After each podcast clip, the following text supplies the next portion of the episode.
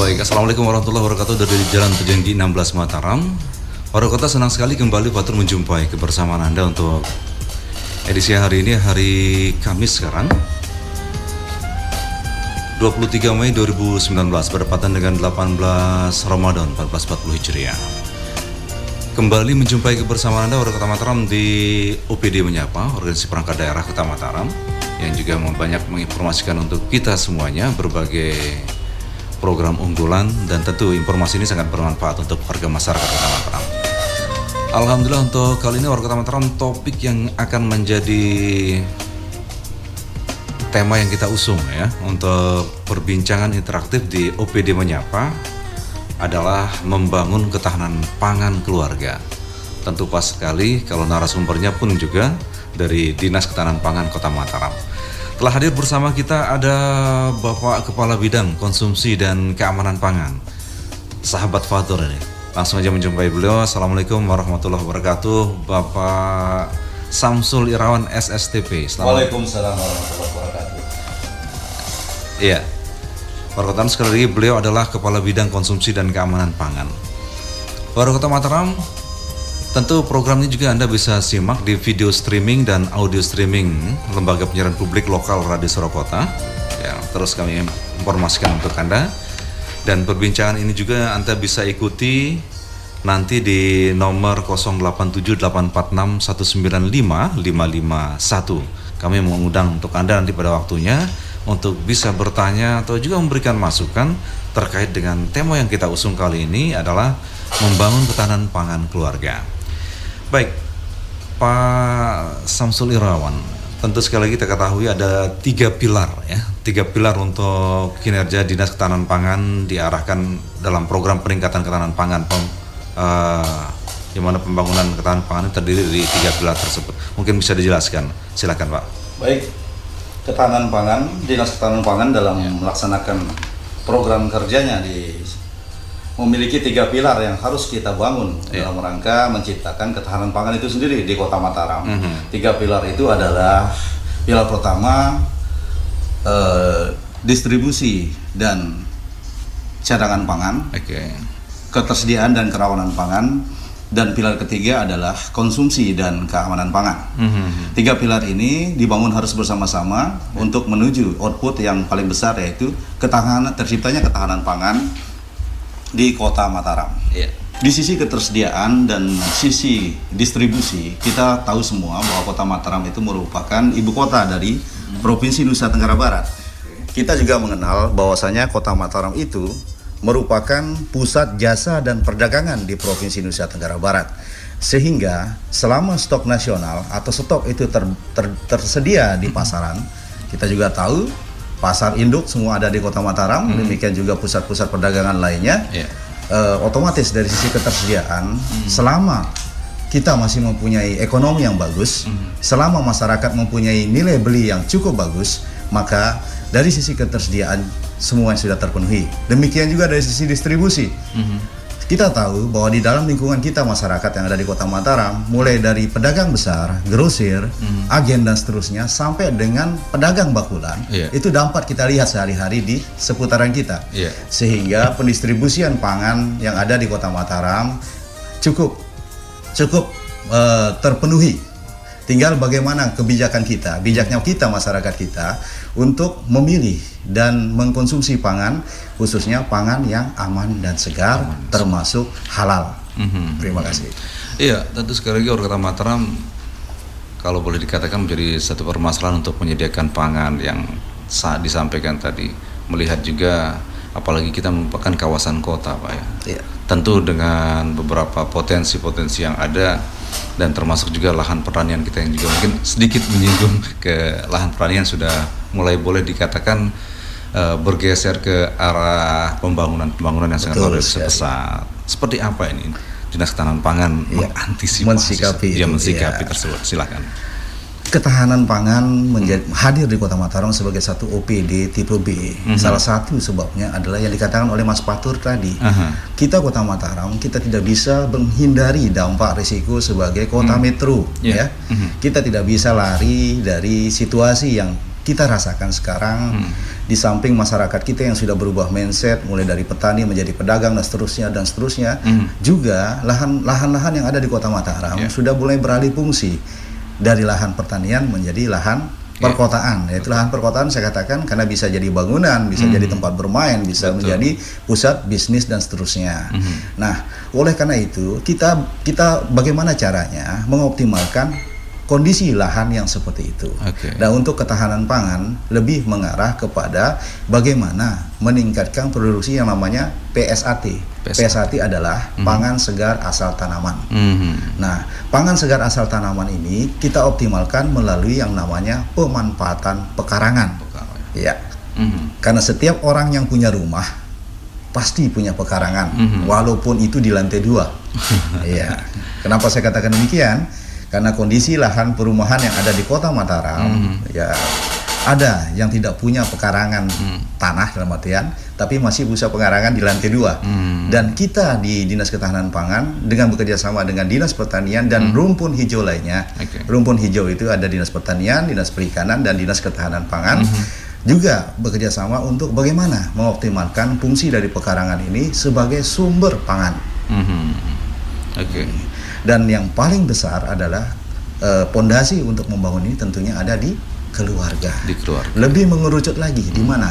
Bekerjasama dengan yeah. PKK dan hmm. pemberdayaan perempuan, uh, di mana di situ harus kita meningkatkan fungsi gender. Kami yeah. di Ketahanan Pangan memanfaatkan ibu-ibu rumah tangga hmm. sebagai potensi yang bisa dikembangkan untuk mengembangkan pekarangan okay. melalui konsep hmm. KRPL, yeah. Kawasan Rumah Pangan Lestari. Wow luar biasa ya. ya tentu ini menjadi antisipasi dan juga seperti apa yang juga sudah dilakukan oleh Dinas Ketahanan Pangan Kota Mataram tentu mengatasi juga saat ini menarik sekali Pak ya. Kabit ya tentu terkait dengan konversi lahan pertanian ke uh, penggunaan non pertanian mungkin salah satunya tadi memanfaatkan tanaman pekarangan juga penting betul kemudian juga dengan kualitas air kita mungkin boleh dikatakan apakah sudah bisa menjamin juga kesuburan tanah yang ada seperti itu untuk ya. usaha pertanian dan termasuk juga tingkat kerusakan lingkungan pun juga mungkin boleh dikatakan apalagi saat ini sudah boleh dikatakan banyak banyak industri cukup kan, tinggi, itu, ya. tinggi. Lalu seperti apa pembinaan yang dilakukan, Pak terkait menarik sekali tadi kalau ya. ada uh, apa namanya dari memanfaatkan tanaman pekarangan khususnya ibu-ibu rumah tangga. Iya betul sekali. Hmm. Jadi kami khususnya kita bahas yang paling uh, saya rasa di Kota Mataram yang hmm. harus kita kembangkan itu di sesi konsumsi dan keamanan pangan. Okay. Tadi dikatakan uh, banyak tercemar misalnya, yeah. terutama terhadap pangan segar asal tanaman, mm -hmm. di mana untuk mencapai kalimat segar dan aman itu yeah. banyak kita pedagang-pedagang uh, ataupun petani-petani dari luar misalnya mm -hmm. menggunakan pestisida yang cukup tinggi. Betul. Nah dari sisi konsumsi dan keamanan pangan itu juga kita melakukan berbagai uh, cara untuk menjamin itu, mm -hmm. ya di tahun ini kami barusan men, di, biasanya di momentum-momentum seperti sekarang ini yeah. Ramadan dan Idul Fitri, mm. tahun baru dan yeah. Natal itu mm. kami melakukan kegiatan langsung turun ke lapangan mm. dengan mengambil sampel terutama di petani. Yeah. Di petani dan di pasar-pasar tradisional untuk kemudian kita masukkan ke dalam laboratorium untuk diteliti. Mm. Salah satu poin-poin yang bisa membahayakan kesehatan khususnya terkait dengan penggunaan pestisida yang mm. berlebihan. Nah, di tahun ini kami sedang di bulan Ramadan ini sudah kami turun ke beberapa lokasi untuk mengambil sampel dan untuk uh, laboratorium yang kami gunakan kami bekerja sama dengan pihak Undram. Yeah. Hasilnya belum turun belum untuk tahun ini. Mm -hmm. Tapi hasil uh, rapid test, rapid test itu semacam tes awal mm. dengan menggunakan media uh, media yang sudah disiapkan seperti mohon maaf test pack mungkin kayak itu mm. ya tapi ini untuk pangan segar rasa tanaman mm. dari tempat yang kami kunjungi alhamdulillah penggunaan pestisida tidak terlalu berlebihan. Bisa dikatakan masih dalam konsumsi yang aman. Okay. Nah, di bidang konsumsi ada kita mengenal yang namanya pola pangan harapan. Hmm. Nah, pola pangan harapan kita di Kota Mataram untuk tahun ini, tahun kemarin, hmm. tahun ini sedang di, kita menunggu data masuk dari BPS hmm. karena data yang kita gunakan adalah data Susenas yang yeah. dikeluarkan setiap tahun. Skor pangan pola pangan harapan kita adalah hmm 87,9 persen dan ini sudah mengerucut ke angka 90 persen yang merupakan target nasional. Mm -hmm. Nah, penyebab skor pangan kita itu belum mencapai uh, skor yang maksimal adalah karena kita masih dari sembilan bahan pokok yang disyaratkan di dalam pola pangan harapan itu Hmm. kita masih sangat-sangat tergantung dengan yang namanya padi-padian Mhm. khususnya beras Oke. dalam hal konsumsi. Mhm. Kita tahu di masyarakat kita mulai dari ada kelahiran, Mhm. ada kematian, ada pernikahan, termasuk menu-menu dan snack, Mhm. kita sangat tergantung pada yang namanya beras. Mhm. Nah, pola makan dari masyarakat kita, eh, khususnya masyarakat yang tradisional masyarakat Sasak, Ya. ya belum menurut kami Belum bisa. belum memenuhi kriteria yang namanya B2SA. Nah, apalagi Beragam, Hmm. bergizi, Hmm. seimbang dan aman. Waduh, sudah ada lima singkatan. Sudah lima singkatan.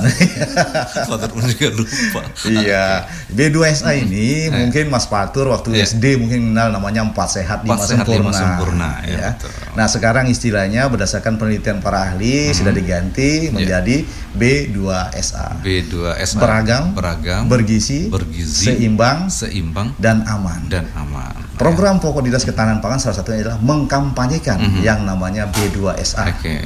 Ya seperti itu.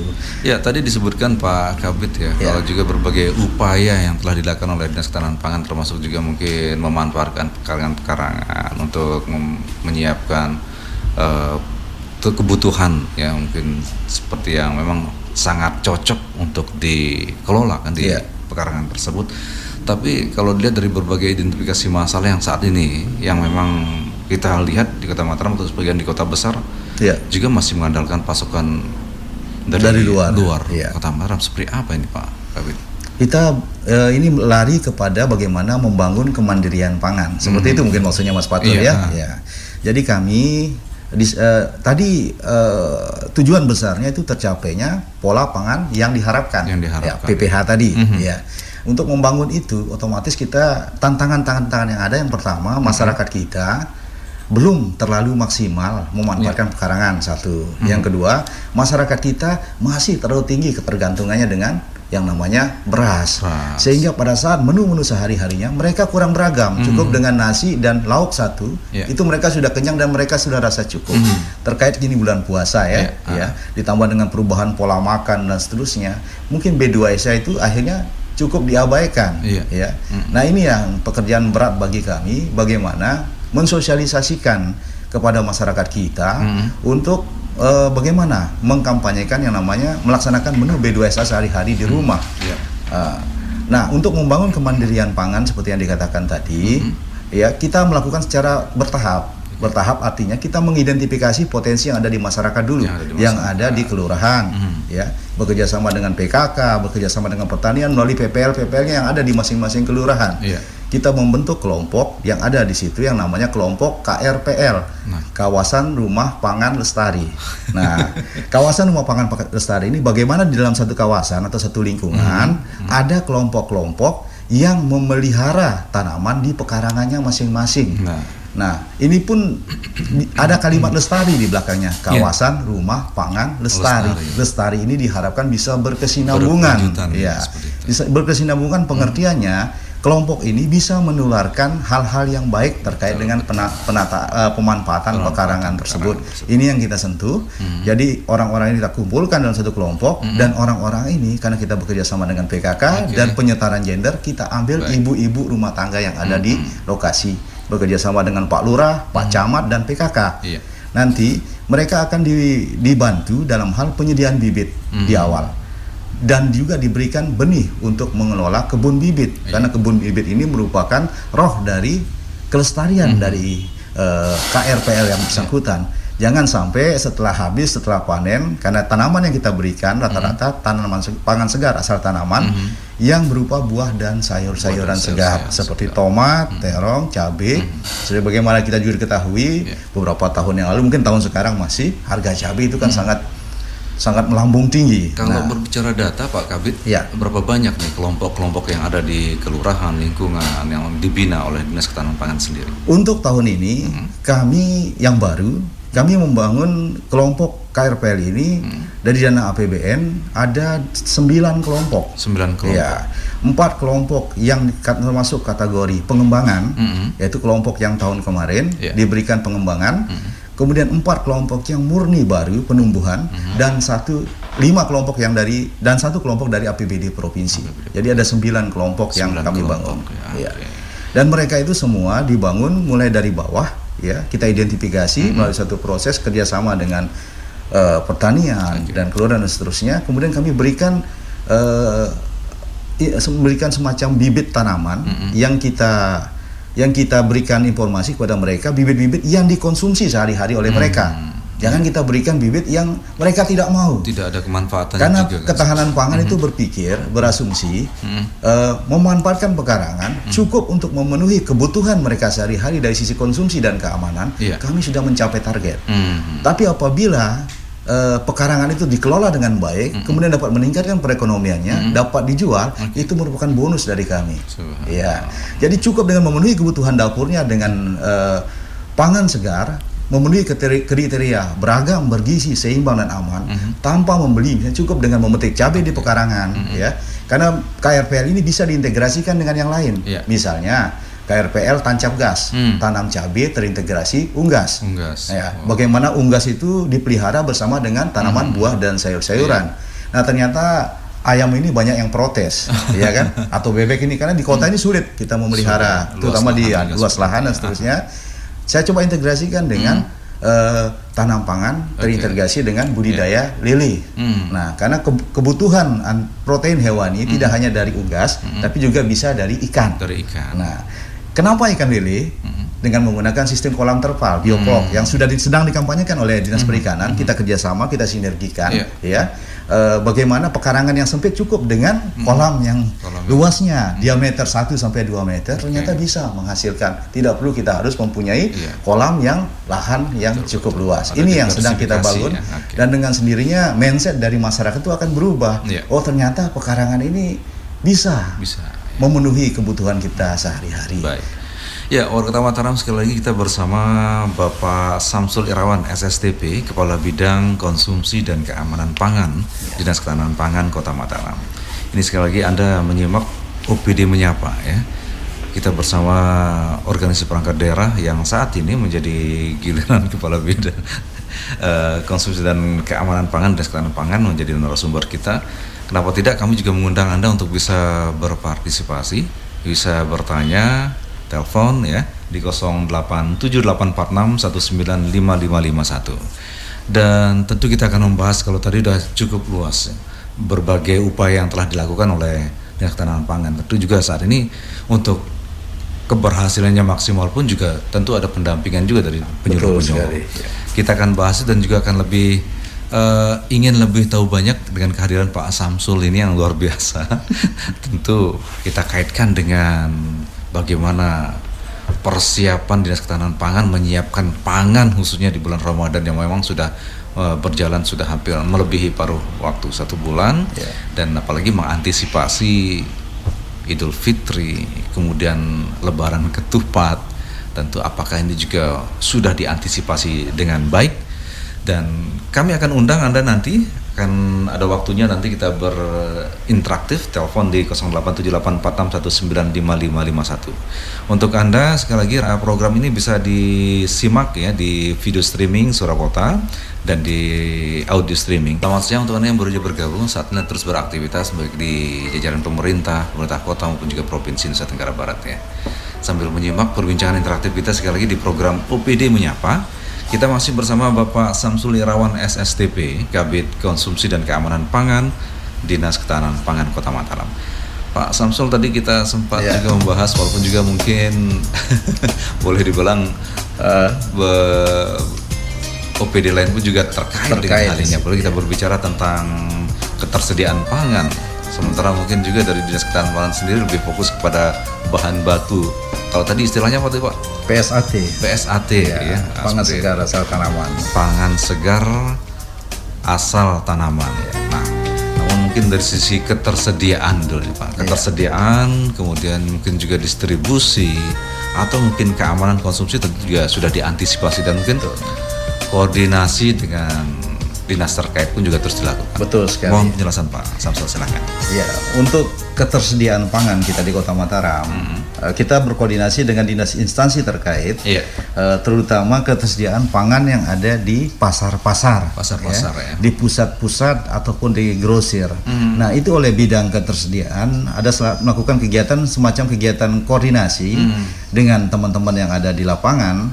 Kita harus berkoordinasi dengan dinas perindak yang Iya. kebetulan di Kota Mataram yang mengaw- yang mengurus masalah Yang pasar. pasar. Kita juga berkoordinasi dengan BPS Hmm. yang mengurus masalah pendataan komoditi yang ada di Ya. pasar supaya output yang dihasilkan ataupun laporan yang kita hasilkan itu Oke. sinkron. Hmm. Jadi data yang dibangun juga data yang bersumber dari kerja bersama. Kerja bersama. Ya.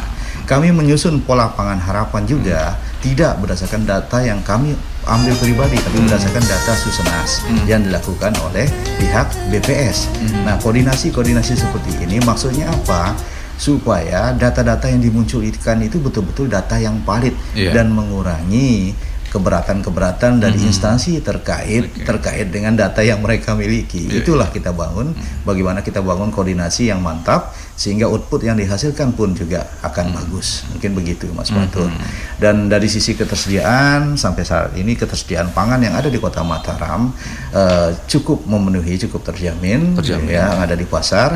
Mungkin ada lonjakan-lonjakan harga yang Iya. yang sering terjadi pada Biasa, saat sekarang karena tingkat konsumsi Tingkat masyarakat konsumsi. juga cukup tinggi Betul. menjelang bulan di bulan Ramadan ini. Juga konsumsi-konsumsi di menjelang Idul Fitri mungkin kita mengenal yang namanya lebaran topat sekarang. Iya. Pada saat lebaran topat yang namanya konsumsi beras mungkin cukup tinggi ya. Daging juga cukup tinggi, Oke. otomatis permintaan hukum pasar permintaan tinggi maka ketersediaan juga harus juga kita harus mengikuti. siap. Dan alhamdulillah mudah-mudahan tidak terjadi hal-hal yang tidak kita inginkan ke depan. Nah, untuk keamanan pangan jangan sampai masyarakat kita memenuhi mengkonsumsi pangan-pangan yang tidak sehat. Iya. Konsumsi pangan yang tidak segar. Kalaupun mereka menemukan di pasar paling tidak kita sudah melakukan di hulunya. Hmm. Ya, di petaninya kita sudah melakukan tes, juga berkoordinasi dengan eh, Balai POM Balai ya. POM. Di samping itu juga ada juga kegiatan-kegiatan sosialisasi yang kita lakukan kepada masyarakat dengan menghadirkan narasumber dari Balai POM. Nah, kalaupun terkait nanti dengan eh, klaster-klaster masyarakat, kami juga melakukan klaster, ada usia dini ya. Jadi di sekolah dasar kami sudah langsung lakukan pembinaan, melakukan sosialisasi, mengenalkan kepada anak-anak yang mana pangan yang segar, yang mana pangan yang aman dan halal. Itu sudah kami lakukan, sudah kami laksanakan di beberapa SD di Kota Mataram, Iya. dan itu rutin kita lakukan sosialisasi B2SA dan keamanan pangan. Kampanye B2SA juga terus kita laksanakan setelah panjang satu tahun ini. Tadi kita singgung yang namanya KRPL. Kalau KRPL kawasan rumah pangan lestari membangun eh, membangun ketahanan pangan di keluarga, otomatis pondasi dari untuk membangun ketahanan pangan itu adalah ada di keluarga. Apabila di keluarga sudah terjaga dengan baik, maka pohon besarnya atau rumah besarnya itu kita Kota Mataram tentunya akan terjamin dengan baik. Oke. Meskipun komoditas-komoditas pangan yang ada di pasaran itu bukan berasal dari Kota Mataram, Iya. tapi karena kita Kota Mataram adalah pusat perdagangan, dan Perdagangan jasa. dan jasa. Ya.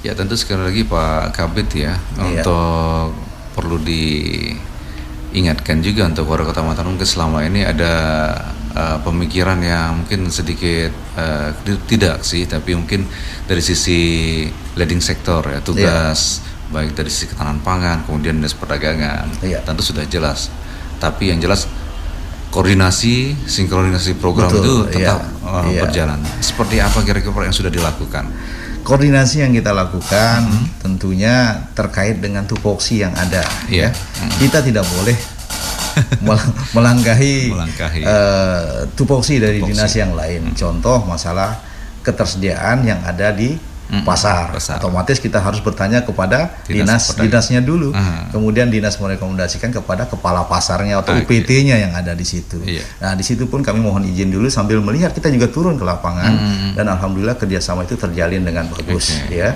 Dari sisi ketersediaan dan distribusi, Mhm. semuanya punya kegiatan. ya, Ya. Kegiatannya itu bagaimana outputnya menghasilkan data. Data itu yang kita laporkan, tentunya sumber data juga tidak eh, berdasarkan laporan kami sendiri, tapi memang itu sudah kita koordinasikan dengan. Iya. dinas atau instansi terkait. Oke. Baik warga Mataram sekali lagi tema kita kali ini adalah membangun ketahanan pangan keluarga. Ya. Ya, walaupun juga banyak hal yang juga bisa kita perbincangkan. Mulai kami buka 087846195551 untuk Anda ingin bertanya seputar topik yang kita bahas kali ini di program OPD Menyapa bersama Bapak Samsul Irawan SSTP ya. Beliau Kabit Konsumsi dan Keamanan Pangan, Dinas Ketahanan Pangan. Kami buka silakan untuk Anda bisa bergabung di 105 Surakarta FM di 087846195551. Ya, membangun ketahanan pangan keluarga. Tentu ada tadi ada 9 kelompok, Pak. Ya, Pak Kabit ya. Ya, 9 Ada kelompok KRPL. ya, KRPL. yang sedang kita rintis Mhm. sekarang. Sambil menanti yang juga ingin bergabung eh, pembinaan-pembinaan yang dilakukan. Ya. Apakah juga termasuk permodalan disiapkan? Eh, kita tidak bicara modal usaha. Tidak Ya. bicara. Ketahanan pangan itu untuk KRPL, Mhm. bagaimana mereka bisa memenuhi kebutuhan dapurnya Mhm. dari kacamata Oke. beragam bergizi Ya. seimbang itu sudah cukup. Udah cukup. Iya. Dan Wal- untuk memenuhi itu kita memberikan modal. Hmm. Ya. Untuk membeli bibit di awal. Membeli bibit saja. Ya. Pembinaan di awal itu kita membeli benih, membeli bibit. Benih sama bibit beda, ya. Benih itu pembenihan, untuk Pembenihan. penyemaian, mulai Mhm. dari biji. Oke. Nah, bibit, bibit itu eh, biasanya kita berikan kepada keluarga-keluarga karena kita merubah mindset Hmm. yang tadinya tidak pernah bertanam, sekarang mereka bertanam. Hmm. Kita berikan bibit yang kira-kira bisa menimbulkan motivasi mereka. Hmm. Kadang-kadang ibu-ibu ini kalau sudah melihat tanaman buah dan sayurnya berbuah, mereka nak mau nyentuh, nak mau Hmm, petik betul. karena senang melihat. Benar, Ya, ya. nah ini ini motivasi kita munculkan otomatis mereka akan berpikir ya mudah-mudahan ter- terjadi perubahan mindset ya. Hmm. Nah, oh ini ternyata bagus, oh Ya. ini ternyata bermanfaat dan seterusnya. Oke. Termasuk dengan pemeliharaan ikan. Ah. Ada pembiayaan di KRPL itu. Hmm. Tapi untuk tahun ini untuk KRPL dari pusat langsung memerintahkan eh, program mengkampanyekan yang namanya Unggas. Mhm. Jadi untuk KRPL yang penumbuhan dan pengembangan eh, yang sembilan tadi Mhm. mereka diberikan ayam Hmm. 240 ekor. Oh. Kalau satu kelompok anggotanya 30 masing-masing ekor, masing-masing keluarga adalah 8 ekor. 8 ekor. Iya. Untuk masalah pengandangan dan seterusnya nanti bisa dimusyawarahkan, bisa Betina ya? menggunakan bina- eh, petelur, petelur, ayam petelur, petelur. ya. Petelur juga bisa juga ayam berdaging, Hmm. tergantung dari apa yang biasa mereka Hmm. konsumsi. Iya. Nah, semuanya itu untuk membangun ketahanan pangan di keluarga. Hmm. Ya, khusus- khususnya masalah konsumsinya dulu. Iya. Nah, kalau tadi sampai ternyata mereka bisa menjadi penghasil telur, itu Ah. bonus itu ya. Iya. Itu sudah nanti akan dinas yang lain akan Oke. ikut masuk di situ untuk membina. Begitu.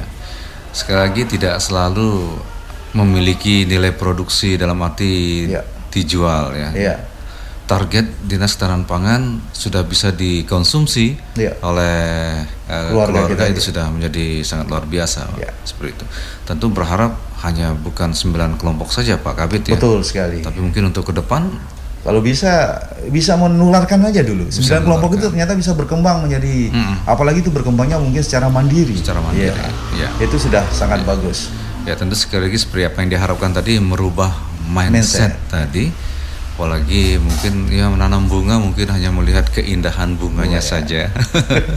Tapi me- menanam tanaman yang tentu memiliki eh, fungsi yang sangat luar biasa untuk kebutuhan keluarga Betul selain sekali. juga indah dipandang dan juga untuk dikonsumsi juga bermanfaat Iya. ya untuk kebutuhan Apalagi keluarga. sekarang kan teknologi pertanian itu semakin berkembang. Iya. Bisa Ah. menggunakan hidroponik, Hidroponik. bisa menggunakan aquaponik. Hmm. mulai dari penampakannya yang cukup secara estetis, secara seni kan cukup bagus, bisa Hmm, jadi hiasan. betul. Itu juga bisa membantu. Nah, teknologi ini kan kita bekerja sama dengan dinas pertanian. Mhm. Nah, bagaimana pengolahannya? Kalaupun masyarakat berharap dengan eh, aquaponik atau hidroponik, kita juga perlu fasilitasi dari ketahanan pangan agar tidak semuanya menggunakan polybag. Mhm. Ya, cuma polybag ini Media sementara ya. ini media tanam yang sering kita gunakan ya karena bisa eh, mudah kita penuhi pemeliharaannya juga tidak terlalu sulit. Ya. Nah, tetapi ternyata hidroponik ini juga cukup bagus. Ya. Kita coba di salah satu KRPL, KRPL yang ada di kebun kopi, Ya. kebun kopi Pejeruk Abian, Kecamatan Ampenan.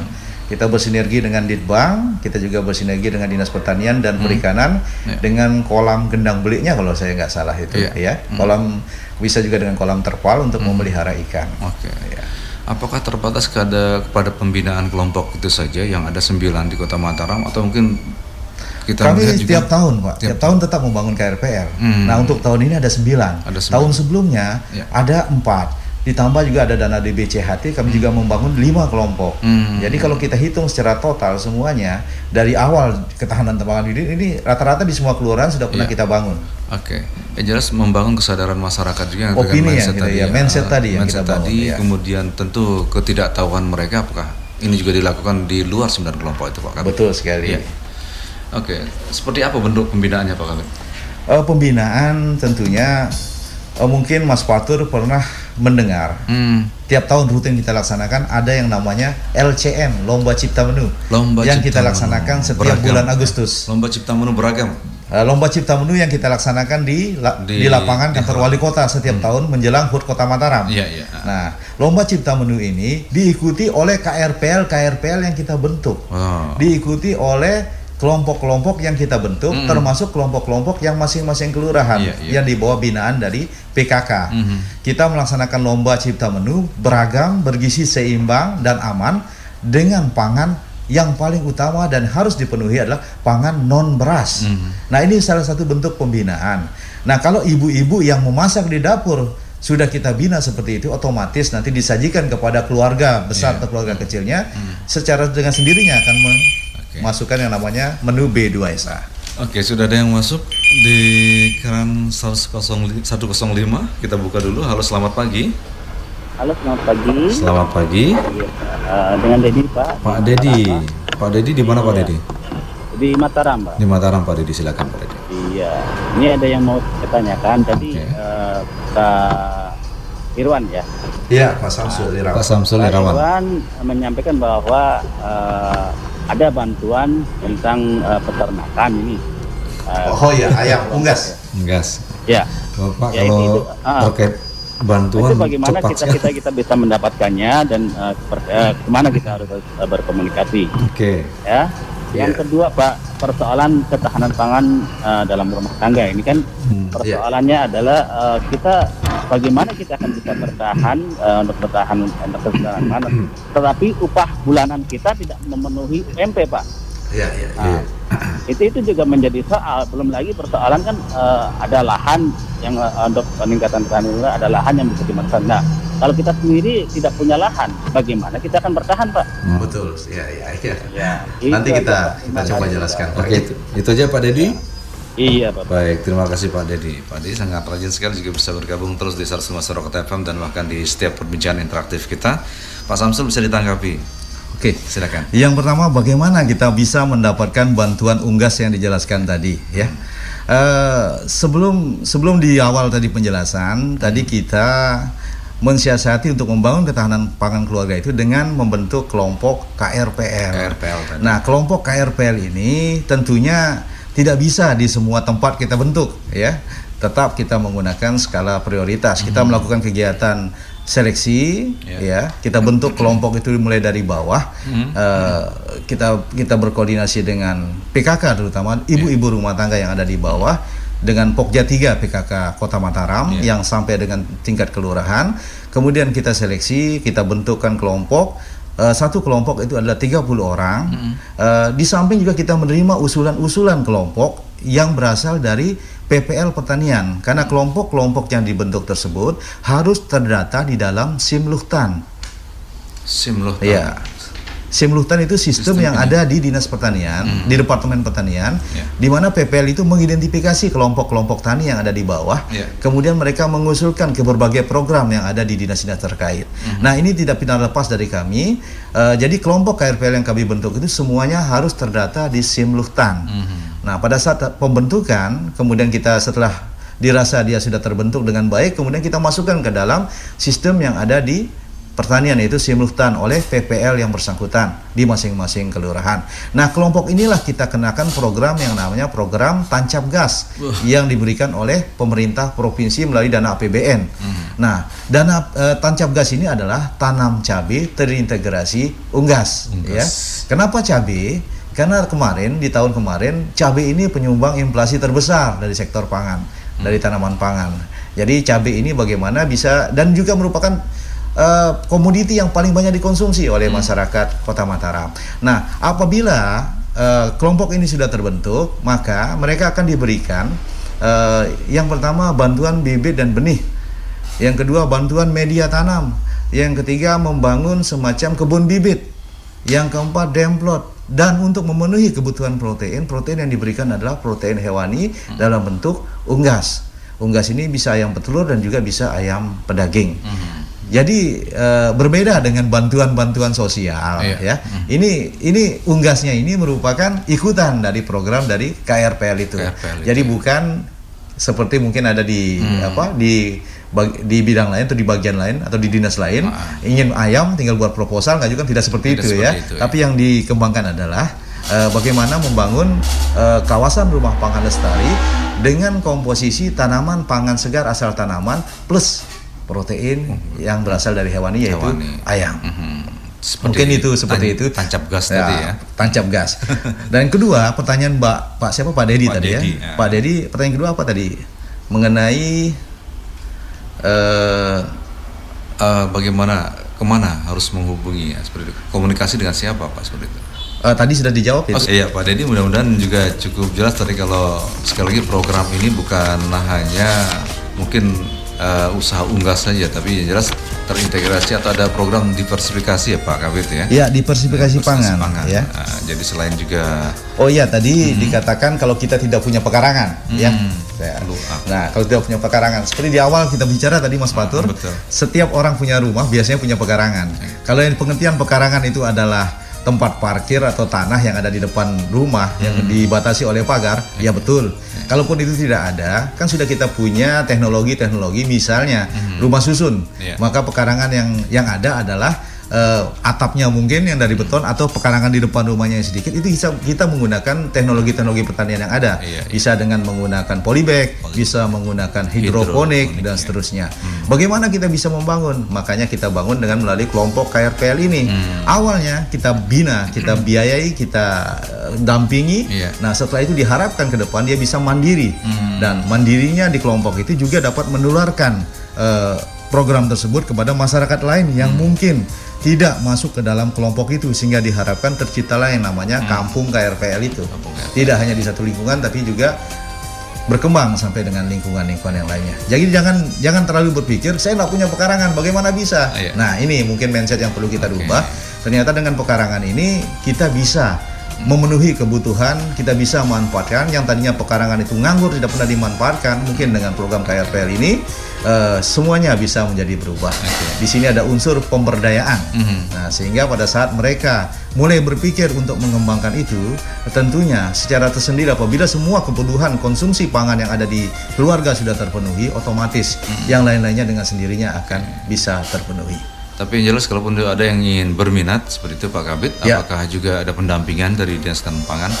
Bisa. Iya. Eh, kalau memang ada masyarakat kita yang berminat untuk masuk ke dalam kelompok KRPL, silahkan membentuk kelompok, kemudian berkomunikasi dengan PPL yang ada di masing-masing kelurahan yang ada di lapangan. Iya. Nah, melalui mereka ini kemudian dilakukan pengusulan kepada Dinas Ketahanan Pangan Iya. untuk disentuh. Nah, apabila usulan itu sudah masuk, kita akan melaksanakan yang namanya CPCL, CPCL. yaitu semacam kegiatan untuk mengevaluasi Mhm. usulan yang masuk. Mere- apabila mereka memang memenuhi, memenuhi syarat, Mhm. tidak memenuhi syarat pun kita akan bina, ya. Artinya sampai dengan mereka layak untuk mendapatkan bantuan KRPL ke depan. Oke. Ya, Pak Deddy cukup jelas ya. Sekali lagi sudah dijawab, ditanggapi dari pertama tadi terkait dengan mungkin bukan di penggalan saja program unggas saja tidak Nah, Iya. seperti itu. Iya. Tapi yang jelas mungkin kalau mungkin terkait dengan unggas saja mungkin nanti menghubungi dinas terkait ya seperti Iya. itu. Pak Deddy jelas, insya Allah untuk waktu-waktu ke depan juga kita akan mengundang dinas terkait untuk tentu membahas hal-hal ter- tersebut. Apalagi Bapak mungkin suka dengan ternak unggas. Tapi yang jelas khusus dari program Dinas Ketahanan Pangan kali ini memang ada program diversifika- diversifikasi ya, penganeka selain juga tanaman juga mungkin memelihara unggas. Ya. Jadi Salah satu contoh program tadi adalah yang luar biasa tancap gas tadi Pak ya. Iya. Tanam cabai Terintegrasi unggas. terintegrasi unggas. Itu yang dari APBN. Dari dari APBD APBN. juga ada kita punya. Nah, eh, tangan bule. tangan bule. Ya, tanam pangan terintegrasi budidaya lele. Budidaya lele. Iya. Oke. Nah, rupanya dalam perkembangannya ternyata lele ini menimbulkan sedikit persoalan, Hmm. terutama dalam hal teknologi. Ya. Uh, lele ini kan sebenarnya bi- uh, binatang yang paling enak kita pelihara. Ya, betul. Asal kita lepas, mereka hidup besar dan bisa Mhm. menghasilkan. Nah, Ya. ini dalam rangka menciptakan lele yang sehat dan aman. Mhm. Uh, di kolam uh, bioplok atau kolam terpal itu kan Terpal. kita yang mengawasi. Betul. apa yang kita berikan kita yang mengawasi. Mulai penumbuhan sampai dengan pengembangan sampai dengan siap panen. Akan tetapi kadang-kadang masyarakat lupa mengganti airnya sehingga menimbulkan bau yang Betul. yang menyengat. Nah ini mungkin persoalan-persoalan kalau lele akhirnya saya coba ganti untuk tahun depan. Saya ada di dalam pikiran saya ingin mengembangkan eh, jangan lele mungkin kita ganti namanya menjadi tabur pelikan Hmm. tanam buah dan sayur dengan pelihara ikan Pelihara kenapa ikan. saya kalimatnya ikan di situ artinya ikan secara umum Secara tidak umum. hanya ikan lele mungkin ikan nila dan seterusnya Hmm. jadi kita coba buka pintu masuknya dulu ikan Iya. gitu loh. Kenapa ikan? Karena ayam dan yang dan binatang-binatang lainnya mungkin ya Mhm. yang, pe- yang penyumbang eh, protein hewani eh, kita pelihara untuk di masyarakat kita yang ada di Kota Mataram dengan kepadatan yang cukup tinggi. Mhm. dengan lahan yang sempit mungkin agak menimbulkan masalah ke depan ya. Iya. Tapi kalau dengan menggunakan kolam yang ada di Dinas Perikanan kalau nggak salah kolam kendang belik kalau nggak salah istilahnya Bukades ya kita sinergikan eh, dengan KRPL alangkah indahnya masyarakat di halamannya ternyata punya buah dan sayur Buah yang dan segar sayur. yang dikonsumsi hari-hari juga ada protein hewani dalam bentuk ikan ya seperti itu dan tentunya akan membantu secara perekonomian Hmm. tidak mengeluarkan uang lagi untuk Iya. apalagi sampai bisa ternyata ikannya bisa Benar, dijual, dijual. Ya. melihat juga perkembangan berbagai tempat rumah makan yang terus menjamur dari Iya. sudut kota Ampenan sampai ke Cakra Pak Kabir Iya. juga mungkin perlu menjadi pertimbangan kan seperti itu akan Mungkin- menjadi industrialisasi ya kan Betul. Kalau ikan mungkin ikan air tawar sudah cukup banyak mungkin di beberapa pinggiran daerah Kota Mataram. Belut juga sangat menarik. Belut juga sangat menarik, cuma mungkin teknologinya saya koordinasi sama pertanian, teknologinya belum Belum. belum bisa diterapkan terlalu benar karena masih menggunakan med- media untuk pelihara belut tuh masih bersifat tradisional. Tradisional. Ya. Rencana banyak dari masyarakat meminta supaya bagaimana coba dengan belut. Nah, untuk teknologi ini coba kita bekerja sama nanti dengan dinas pertanian dan mungkin juga dari perguruan tinggi Iya. khususnya di Undrang mungkin. Ya. Kira-kira ada nggak teknologi yang uh, familiar dengan masyarakat kita yang ada di Kota Mataram? Mungkin kolamnya diganti dengan kolam lumpur untuk pelihara Iya. lulut seperti itu mungkin. Ya, seperti itu mungkin Ya, Mas atau Fatur ya. wadahnya derang. Karena masyarakat Sasak ini sangat senang dengan namanya belut. Tidak perlu lagi mancing belut di sawah, tapi cukup dengan di Iya. yang ada di pekarangan. Ya, tentu melihat keseharian, Pak ya. Betul sekali. Kebutuhan eh, termasuk rumah-rumah makan dengan sajian yang mereka punya khas. Panganan Tentu sekali khas. ini akan menjadi eh, pemikiran untuk nilai Iya. produksi yang bagus untuk diusahakan oleh warga masyarakat Kota Itu yang kita katakan tadi efek dominonya cukup besar Betul ya. Eh, lari ke Iya. ketersediaan pangan untuk rumah tangga Mhm. juga untuk rumah makan dan restoran mungkin Iya. ke depannya ya mudah-mudahan. Ya tentu kalau ini juga bisa diupayakan terus Pak Kabit ya dari Ya. warga Mataram, warga Kota Mataram yang terus menyimak program ini sehingga menjadi tujuan memperoleh pangan dalam jumlah yang cukup, mutu yang layak, aman dan halal yang didasarkan pada optimalisasi pemanfaatan dan berbasis keragaman sumber daya Ya. tentu akan terjamin tercapai kan seperti itu Pak Kabit. Betul sekali. Iya. Tentu sekali lagi yang menjadi terus berulang-ulang disebut Pak Kabit adalah mindset yang memang memang masih Yang masih kita perlu melakukan pemberdayaan secara optimal.